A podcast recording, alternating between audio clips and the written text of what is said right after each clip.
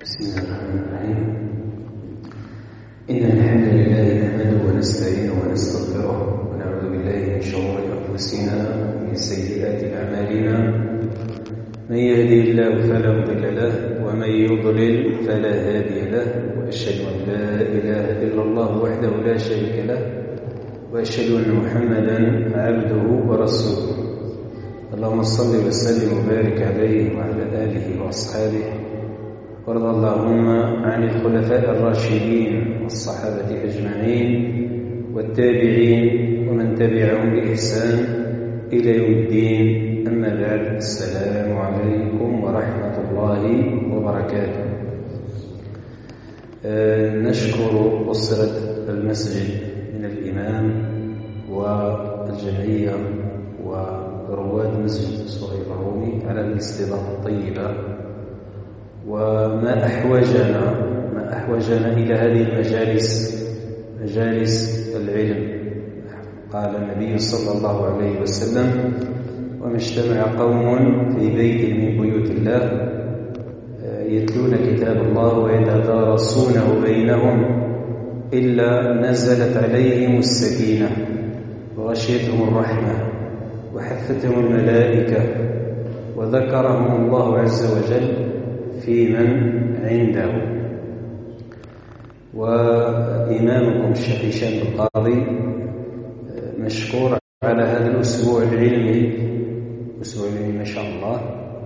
وعنوانه محرمات استهان بها الناس محرمات استهان بها الناس هذا العنوان ما شاء الله في غاية الدقة في غاية الاختيار في غاية الأهمية والاستهانة بالمعاصي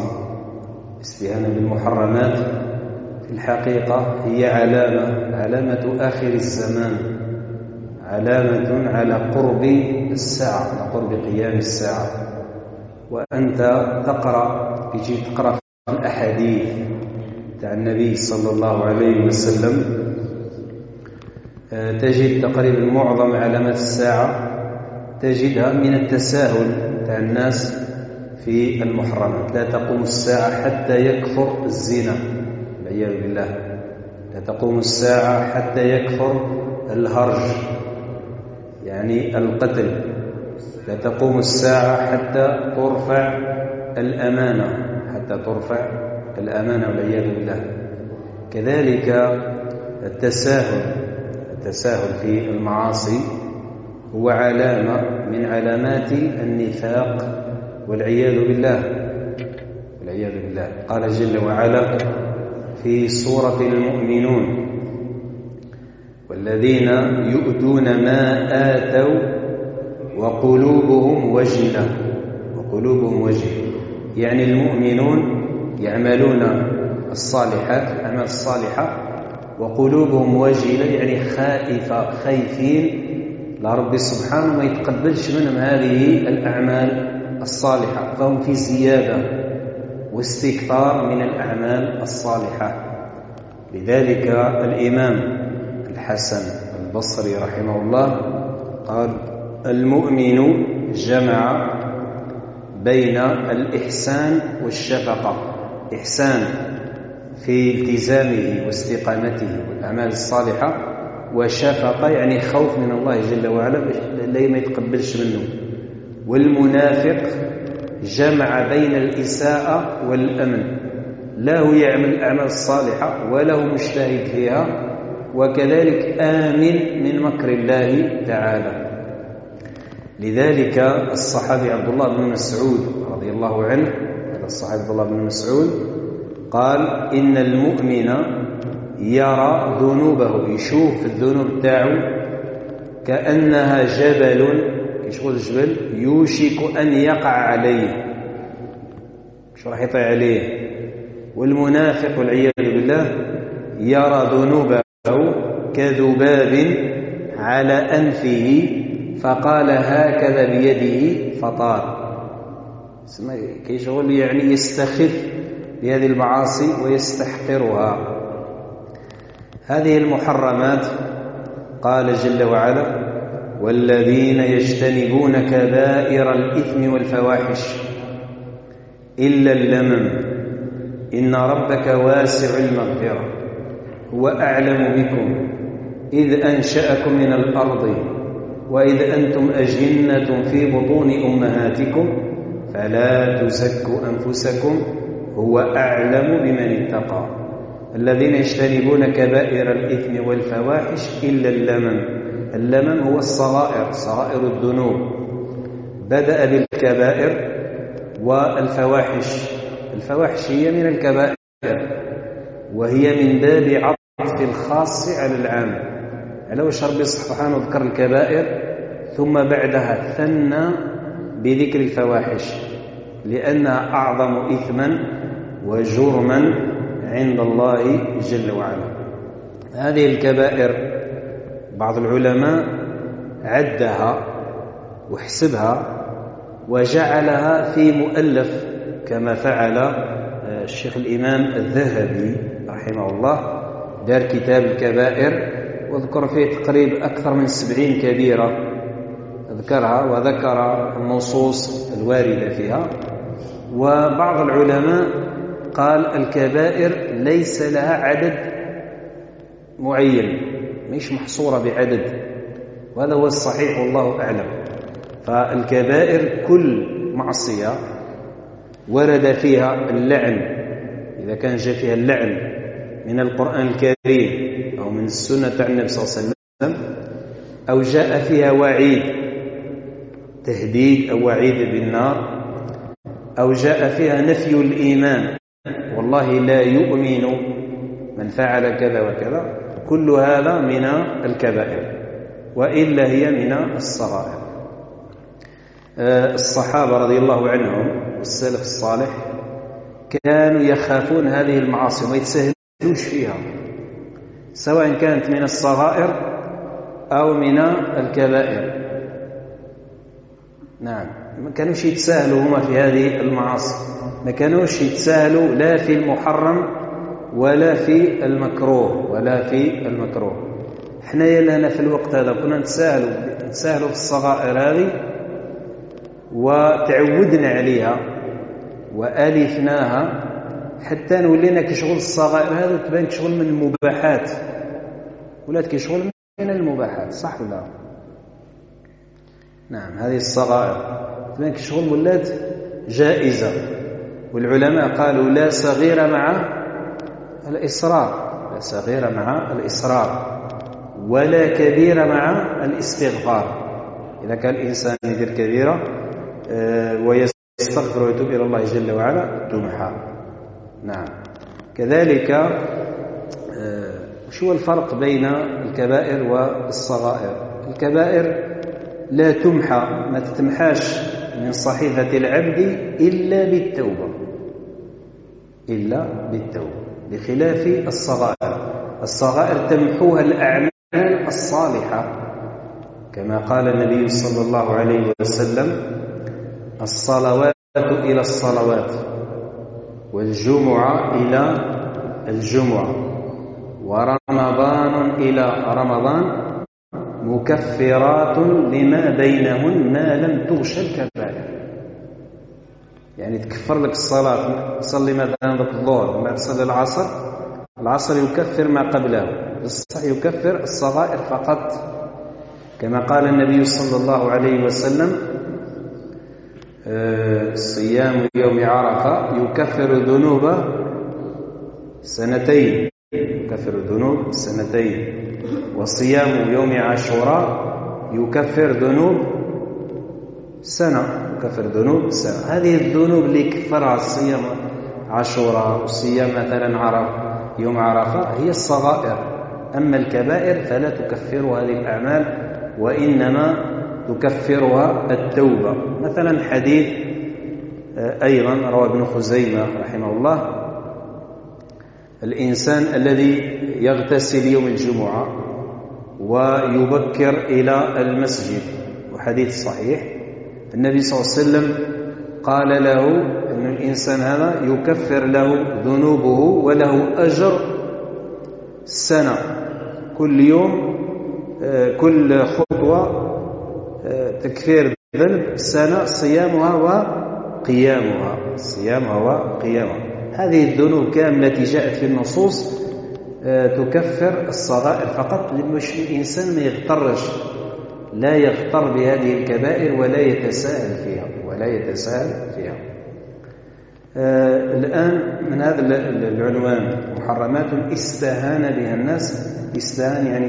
استخفها الناس واستحقرها الناس واستصغرها ويدل من الاستهانة هذه تحت الانتشار انتشار هذه المعاصي آه، ليا مثلا نسمعوا الناس يهضروا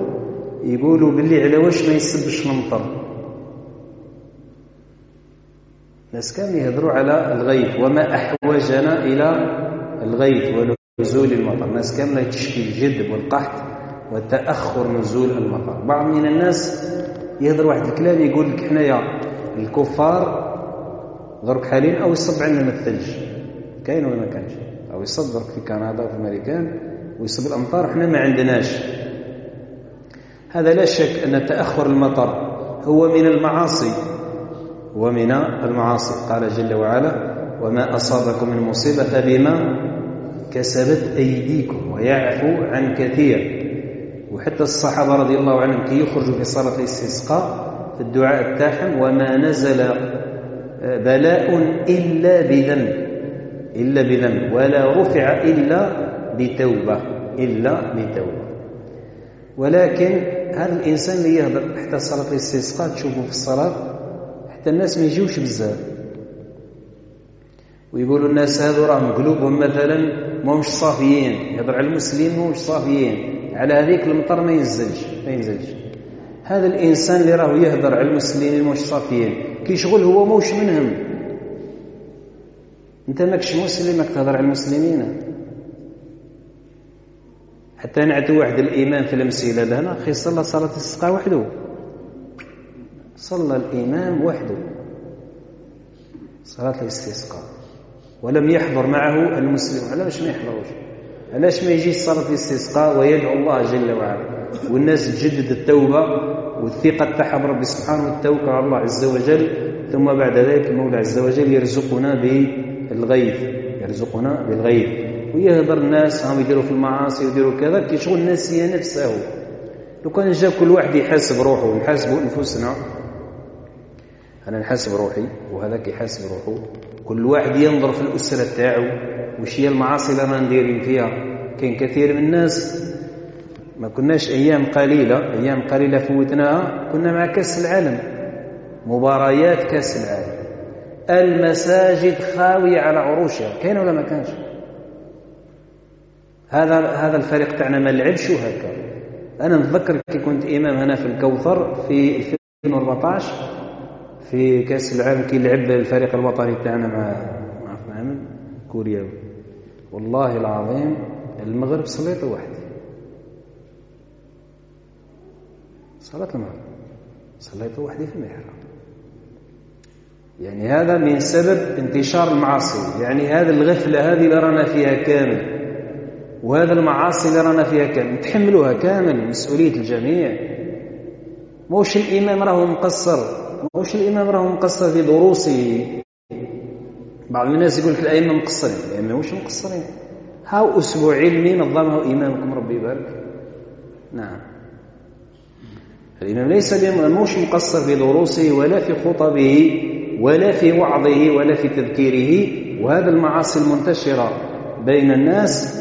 وفشت في البيوت وغيرها مسؤولية الجميع مسؤولية الجميع مع أنه شوفوا لنا النبي صلى الله عليه وسلم ما كانش يتكلم بزاف قالت عائشة رضي الله عنها لو كان جي إنسان يحسب الكلام تاع النبي صلى الله عليه وسلم واش يتكلم في النهار العاد لا عد كلامه ويحسم الكلمات اللي قالها ما كانش يهضر بزاف هذا عبد الله بن مسعود رضي الله عنه لما كان في الكوفة وعنده واحد من التلاميذ تاع أبو وائل هذا شقيق كان يدير لهم درس كل خميس فقط فقال له آه، لو جعلته كل يوم وكان درس كل يوم فقال له الصحابي عبد الله بن مسعود لا أتخولكم بالموعظة في الأيام أتخولكم يعني أتعهدكم بالموعظة في الأيام كما كان رسول الله صلى الله عليه وسلم يتخولنا بالموعظة في الأيام كراهة السآمة علينا مش ما نسأموش مش ما نملوش باه ما نملوش نعم يعني النبي صلى الله عليه وسلم ما كانش يدير المواعظ بزاف ولو كان تشوفوا الخطب تاع النبي صلى الله عليه وسلم الخطب تاعو الخطبه تاع الجمعه ما تفوش الصفحه يعني كلمات وجيزه لو كان تشوفوا خطبه عرفه فيها سطور فقط فيها سطور فقط وش هو اللي خلى الصحابه رضي الله عنهم كانوا احزم الناس وأبعد الناس عن المعاصي رغم قلة الكلام قلة المواعظ كما نشوفوا في قصة تحريم الخمر مثلا قصة تحريم الخمر الخمر هذه كانوا العرب يعشقوها عشق تخيلوا أنتم الخمر هذه سماوها أكثر من مئة اسم في أشعارهم داروا عليها قصائد لا تعد ولا تحصى هذا أنس بن مالك رضي الله عنه قال كنت مع القوم يسقيهم في الخمر عندهم قلال شقالات في الدار شقالات قلال جمع قلة وكاين من من من المسلمين اللي راهم داير فيها التجارة يتاجر فيها بقى. كانت مباحة كانت مباحة فلما نزل قوله تعالى يا أيها الذين آمنوا إنما الخمر والميسر والأنصار والأزلام رجس من عمل الشيطان فاجتنبوه لعلكم تفلحون آية واحدة بعث بها النبي صلى الله عليه وسلم واحد منادي ينادي في أزقة المدينة في الرواة تاعها قال أنس أنا كنت نسقي فيهم في القوم قاعدين مع بعضهم يسقيهم فسمع المنادي ألا إن الخمر حرمت خرج أنس وتأكد وثبت من التحريم هذا وسمع الآية التي حفظها من النبي صلى الله عليه وسلم واش قال له أبو طلحة الزوج تاع الأم تاعو قال فقم إليها فأهرقها يعني سياحة قال أنس بن مالك فجرت سكك المدينة سكك يعني الطرق تاع المدينة كامل تجري بالخمر وكل سيح الخمر أهرقوا تلك الخمر هذا القصة هذه حتى الدول الغربية دول تاع الغرب تاع الكفار تعجبوا فيها تعجبوا من هذا المجتمع اللي أسسوا النبي صلى الله عليه وسلم هما في الغرب يصرفوا المليارات المليارات من الدولارات باش ينحيوا هذا الخمر هذا الإدمان عانوا منه الآفات تاعو داروا مراكز باش يقنعوا الناس داروا مستشفيات داروا كذا ولكن عند المسلمين آية واحدة آية سبحان الله آية ينادي بها المنادي في أزقة المدينة تكفي باش الناس يكفوا على هذا الكبيرة هذه على هذا الخمر ما قالوش احنا موالفين بها وإحنا يا عمري كام وأنا نشرب فيها وأنا ما نقدرش نحيها ما كانش الكلام هذا ما كانش هذا الكلام هذا لذلك النبي صلى الله عليه وسلم قال ما أمرتكم به فأتوا منه ما استطعتم وما نهيتكم عنه فانتهوا هذا المؤمن هذا في الدنيا في الإسلام راه عايش بين أمر و ونهي بين أمر ونهي أيهما أعظم شو هو الأعظم الأمر ولا النهي شكون اللي يجاوب شو الامر الامر تاع ربي سبحانه ولا النهي تاعو يعني رب العالمين خلقك لتعبده تمتثل ما امرك الله به وتنتهي عن نواهيه وزواجره لكنه ايهما اعظم النهي ولا الامر النهي احسنت بارك الله فيك قال العلماء منهم الامام احمد رحمه الله قالوا النهي اعظم من الامر الامر قيد بالاستطاعه ما أمرتكم به فأتوا منه ما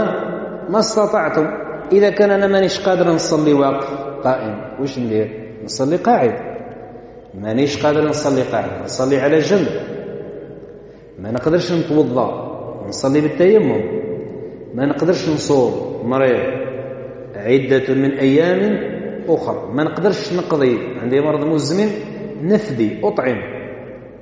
نعم ما عنديش المال نصاب لا أزكي تسقط علي الزكاة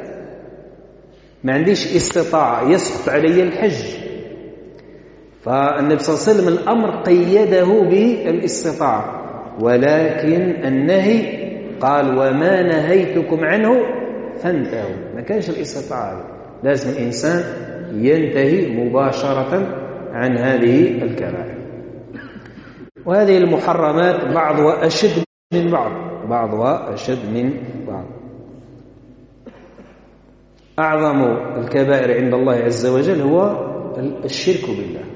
هو الشرك بالله والسحر والقتل وكذلك الفواحش والفواحش أيضا بعضها أعظم من بعض زين المحارم أعظم حرمة الإنسان الذي يزني بحليلة جاره أعظم من أن يزني بامرأة أخرى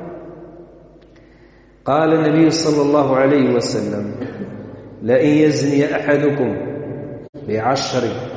بعشر نسوة أيسر أي أهون من أن يزني بحليلة جاره إذا هذه الكبائر حتى النبي صلى الله عليه وسلم لما كان دائما يسأل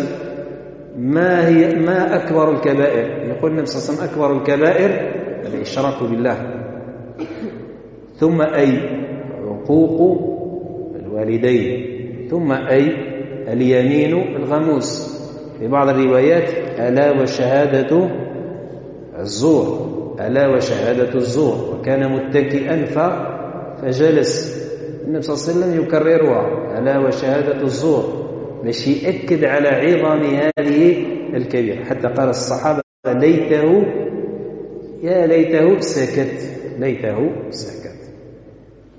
نعم الآن الموضوع الذي اخترناه محرمات تقع على الطرقات يعني اللي تجي في الطرق بعض من الناس ممكن يشوف العنوان مخالفات الطرق يحس بها قانون المرور احنا كي نجيو نسالوا قانون المرور هل هو من الشرع ولا نعم إيه، تنطبق عليه احكام الشرع الانسان هذا اللي يصوب السياره تاعو هو السكران يؤثم عند الله جل وعلا ولا ما يؤثمش يؤثم واذا كان قتل واحد كتصنف قتل عمدي عند الأئمة يصنفونه قتل عمدي لأنه هو المتسبب في القتل هذا الإنسان هذا اللي يحرق الفروج هذا ويتسبب في حادث مرور تموت أسرة منه هو متسبب حقيقي ولا مش متسبب متسبب حقيقي الإنسان الذي يمشي في الاتجاه المعاكس هذا حتى الأئمة تاعنا في الوثيقة تاع الصلح تاعهم مصنفين الحوادث المرور هذه مصنفينها كثير منها راهي في القتل العمدي في القتل العمدي ولكن احنا ان شاء الله نقتصر على المخالفات اللي بينها النبي صلى الله عليه وسلم في حديث واذا كان كان الوقت ان شاء الله نزيد بعض منها آه، قال النبي صلى الله عليه وسلم إياكم والجلوس في الطرقات إياكم والجلوس في الطرقات فقالوا يا رسول الله ما لنا بد مجالسنا التي نجلس فيها ونتحدث فيها فقال لهم النبي صلى الله عليه وسلم فإن أبيتم إلا الجلوس فأعطوا الطريق حقه قالوا وما حق الطريق قال غض البصر ورد السلام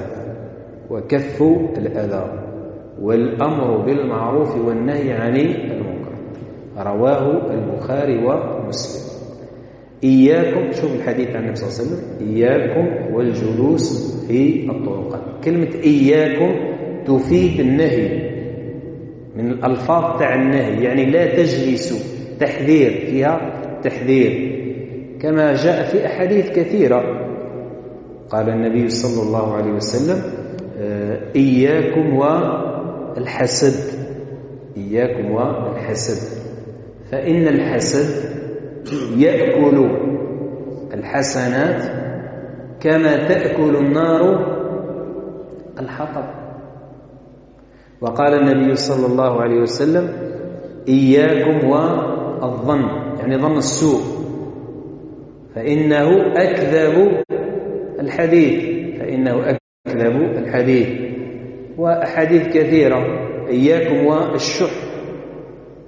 فإنما أهلك الذين من قبلكم الشح أو البخل وهكذا النبي صلى الله عليه وسلم قال إياكم والجلوس في الطرقات وش معناتها في الطرقات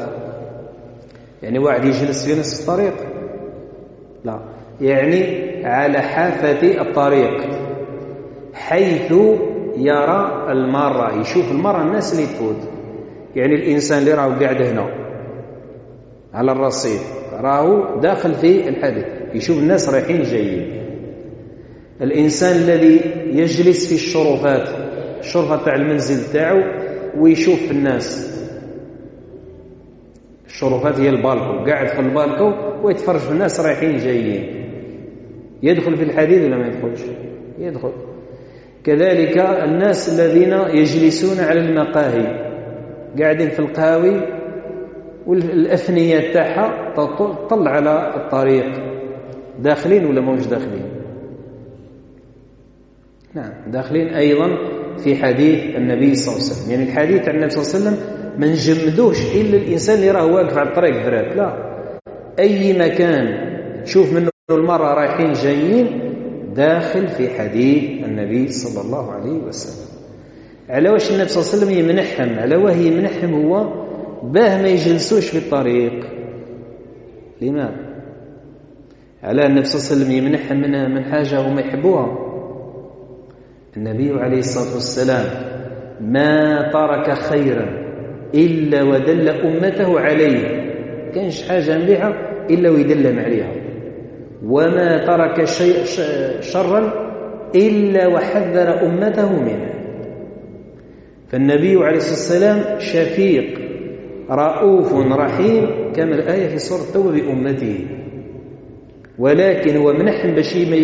يجلسوش على هذه الطرقات سدا لذريعة المعاصي باش الناس هذو ما تحملش هذه الآثام وهذه الأوزار من هذه الطرقات ومن هذه المجالس من هذه المجالس وهذه المجالس على الطرقات تقريبا الغالب الناس اللي يقعدوا ليها هم العاطلين والبطالين كما شفتوا ما واحد خدام على روحه انسان ناجح او عالم من العلماء كش ما شفتوه قاعد في الطريق كش ما شفتوه كش ما شفتوا واحد من العلماء قاعد على الطريق ما عندوش وقت من يجلس على الطرقات الناس مساكن الله غالب عليها ويقول كان وين نروح كي شغل الوقت تاعو ما لقاش واش يدير به وهذا الوقت هذا يحاسب عليه الانسان ولا ما يتحاسبش عليه قال النبي صلى الله عليه وسلم نعمتان مغبون فيهما كثير من الناس مغبون يعني تغبنوا فيهم بالدرجة يتكلحوا فيه الناس الصحة والفراغ الصحة والفراغ نعم شوفوا النبي صلى الله عليه وسلم ما كانش عنده وقت خلاص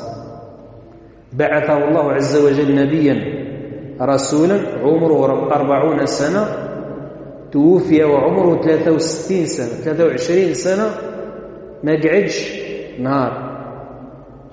لا يجلس إلا إذا كان مريضا الله غالب ورب العالمين وفقه في هذه المدة القصيرة ونشر الإسلام وأوصله إلى مشارق الأرض ومغاربها ما عندوش الوقت حتى كي يجلس هو مع مع أصحابه يجلس معه في الطرقات النبي صلى الله عليه وسلم كي يجلس مع أصحابه وين يجلس؟ شكون يقول ها أحسن يجلس في المسجد دائما الغالب تقريبا من بعد الصلاة بعد صلاة الصبح كما جاء في حديث عمر رضي الله عنه كي كانوا جالسين مع النبي صلى الله عليه وسلم ودخل عليهم جبريل في صورة رجل وش يقول الحديث قال بينما نحن جلوس إذ طلع علينا رجل شديد بياض الثياب شديد سواد الشعر ولا يرى عليه أثر السفر ولا يعرفه طلع علينا منين من قاعدين قاعدين معه في المسجد جالسين معه في المسجد ودخل جبريل عليه السلام معه إلى المسجد إذا النبي صلى الله عليه وسلم قال إياكم الجلوس في الطرقات حفاظا يحافظ على أتباعه لكي لا يحمل وزرا فالصحابة رضي الله عنهم تعجبوا قالوا يا رسول الله ما لنا بد شو معناتها بد يعني ما كانش معناش حل بالدارجة ليس لنا مفر ليس لنا مهرب يعني لازم نقعدوا مع بعضنا ليس لنا مل يعني لازم نقعدوا في مجالس نتلقوا مع بعضنا مجالسنا نتحدث فيها ونذكر فيها أشياء أمور من الدنيا أمور من الدين فالنبي صلى الله عليه وسلم ما أعطاهمش الإذن هكا قال لهم اقعدوا فرات لا ولكن شرط عليهم شرط فإن أبيتم إلا الجلوس فأعطوا الطريق حقه فزدوا الطريق وتشوف لما تقرأ مثل الأحاديث تاع النبي صلى الله عليه وسلم تشوف فيها كل العلم وكل الأدب واحد يهدر وواحد يسمع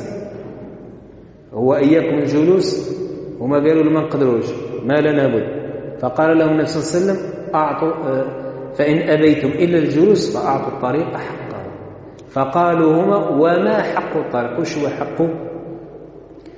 قال غض البصر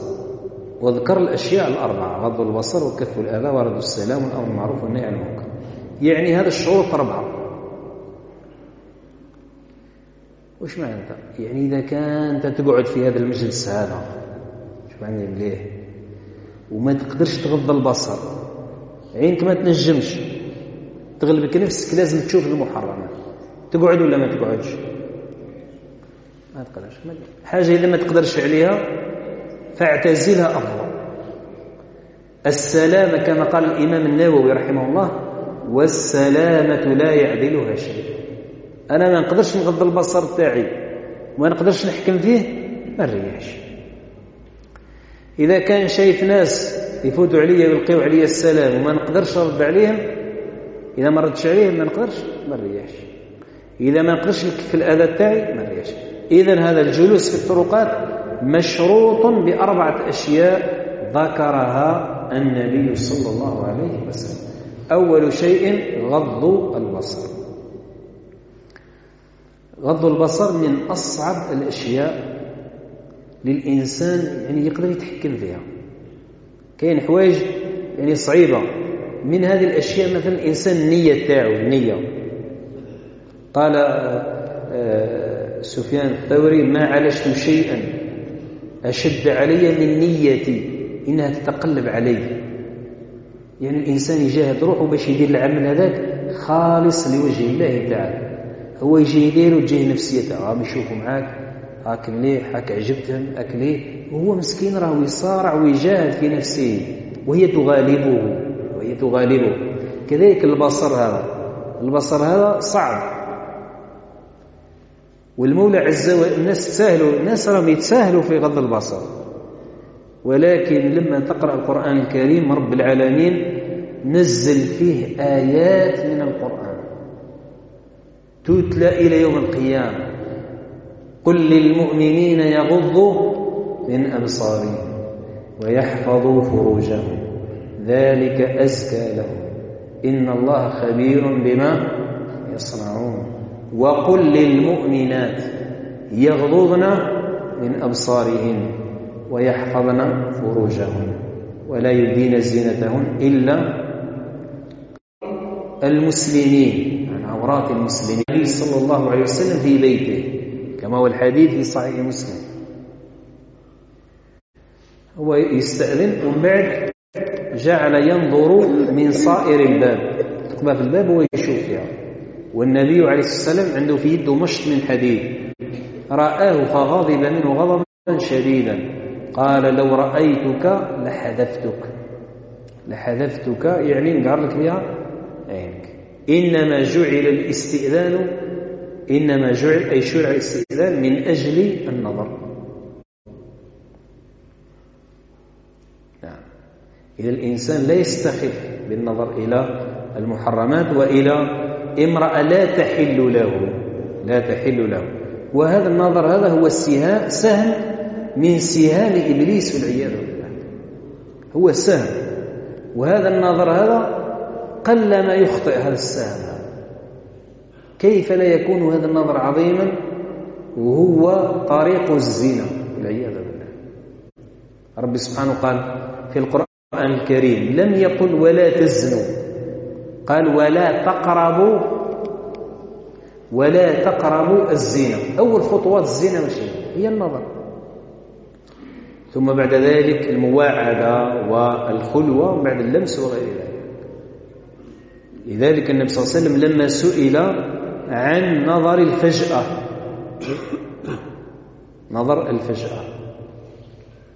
قلنا يعني النظر الصعيب حتى الصحابه سالوا النبي صلى الله عليه وسلم قال لك واحد مثلا يشوف صدفه بغته فقال النبي صلى الله عليه وسلم اصرف بصرك النظرة الأولى حديث النظرة الأولى لك والثانية ثانية عليك النظرة الأولى لك يعني لا تحاسب عليها يوم القيامة والثانية عليك أي تحاسب أي حاجة لا تحل لك ليست من المحارم تاعك ولا كذا ولا مش من الزوجة تاعك يعني من مرأة أجنبية ما يجوز لك تشوفها لازم تغض البصر حتى لو كان جات المرأة هذه متجلببة متنقبة ما تبقاش تشوف لها لا تديم النظر إليها فإن ذلك والعياذ بالله طريق إلى الفاحشة طريق إلى الفتنة طريق إلى الفتنة كان كثير من الناس تعودوا على هذا النظر المذموم النظر المحرم تلقاه مسكين ويصوب في السيارة ويشوف مع نساء هذا واقع احنا لازم نديروا دروس تمس الواقع تاع الناس باش الناس تفهم شو الأخطاء تاعها ما هي الأخطاء التي تقع فيها بعض من الناس خاصة في العمارات هذه تلقى الشرفات بزاف تلقاه يطل ينظر إلى شرفة جاره وإلى نافذة جاره أو حرام عليه كيفاش الإنسان يتخلص من المشكلة هذه كاين بعض الناس يجيبنا للمسجد يقول لك الشيخ أنا النظر هذا عيت نحيه وموش غير هو تلقى مثلا حتى الزوجة تاعو خطرة جاوني واحدة والزوجة تاعو متقابضين وصلوا للطلاق على جات المشكلة هذا هو راك مع الزوجه تاعو الزوجه تاعو تولى بزاف ويتقاضى معاه اذا الانسان هذا لازم يبذل جهد لازم يبذل جهد ويعود نفسه على غض البصر على غض البصر يبذل جهد وربي سبحانه يوفقه رب العالمين يعاونه قال تعالى والذين جاهدوا فينا لنهدينهم سبلنا وإن الله لمع المحسنين وخاصة الناس ليخدموا في أماكن عامة بس يخدموا مثلا في بلدية يخدم في إدارة في كذا وكاين مشكلة تاع الاختلاط هذه مشكلة تاع الاختلاط هذه كارثة كيفاش يدير الإنسان واحد يخدم ثمان سوايع في مكان مختلط بالنساء والرجال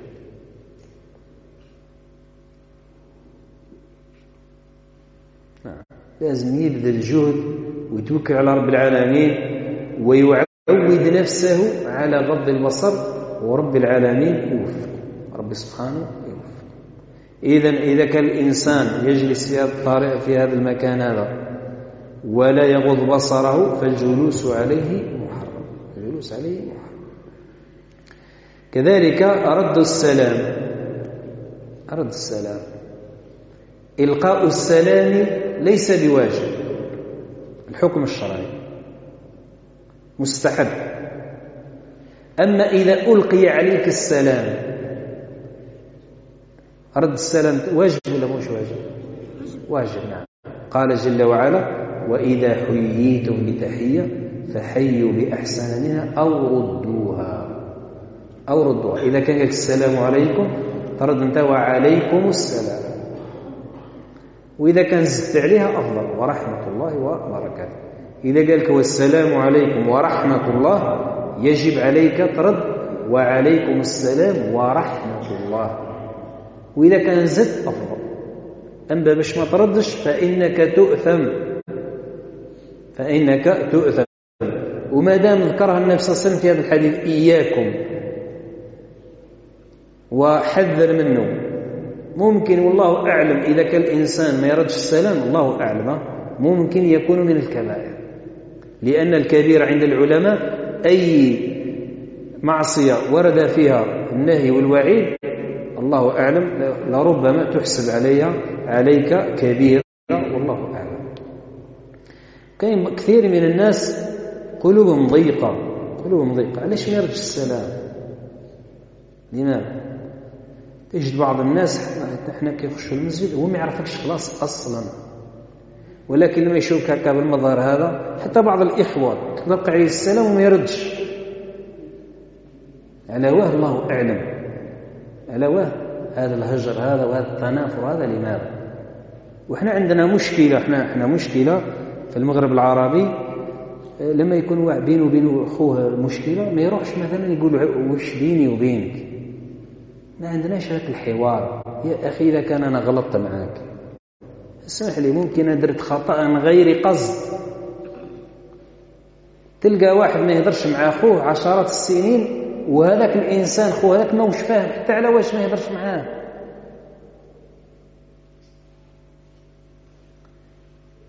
ما تقدرش تعيط له تقول يا أخي أنت ما تردش عليا السلام على واه هي إيه، على واه لماذا واش درت كان واش وشو الاسباب على واش شي خلاك تحقد عليا وتنفر مني لماذا نعم اذا هذا الناس هذو راهم مخطئين وحنا جربنا حتى لهنا كي كنا في بوزوران كاين يعني بعض الاخوه تلقى معاه في الباب ونحلف لكم بالله في في الباب داخلين مع بعضنا هك السلام عليكم يا رجل لماذا الله اعلم وانت جا مشيت ولا تعرفه وكش مخالط خلاص وحدث معي أنا قصة والله من أغرب القصص في حياتي واحد حفظ عندي ستين حزب 2003 ولا 2004 من بعد واحد من بعد راه ما عرف كيفاش واحد عامين تلاقيته نلقي عليه السلام ما يردش هذه في يعني في واحد السنوات هذه رحت له للدار طلبت عليه ما بعثت له ناس وش بيه هذا إذا هذا الناس هذو احنا نتمناهم رب العالمين ربي يهديهم ويعرفوا الأحاديث هذه رد السلام راه واجب على الأعيان لازم ترد إذا كان في جماعة واحد يكفي يرد عليهم يكفي وإذا كان بينك وبين أخيك مشكلة قال هاي المشكلة اطلب منك السماح وتعتذر منه وترجع المودة إلى إلى مكانها قال النبي صلى الله عليه وسلم وكف الأذى كف الأذى وش يعني أولا ما تهدرش في في أعراض الناس لا تخوض في أعراض الناس تخوضش فيهم ما تهدرش في الناس شوف النبي صلى الله عليه وسلم لما ذكر الغيبة حرمها حرم الغيبة حتى ولو كان الإنسان صادق حتى ولو كان صادقا حرام قال النبي صلى الله عليه وسلم الغيبة ذكرك أخاك بما يكره هو كان الحاجة فيه بس يكره تقول عليه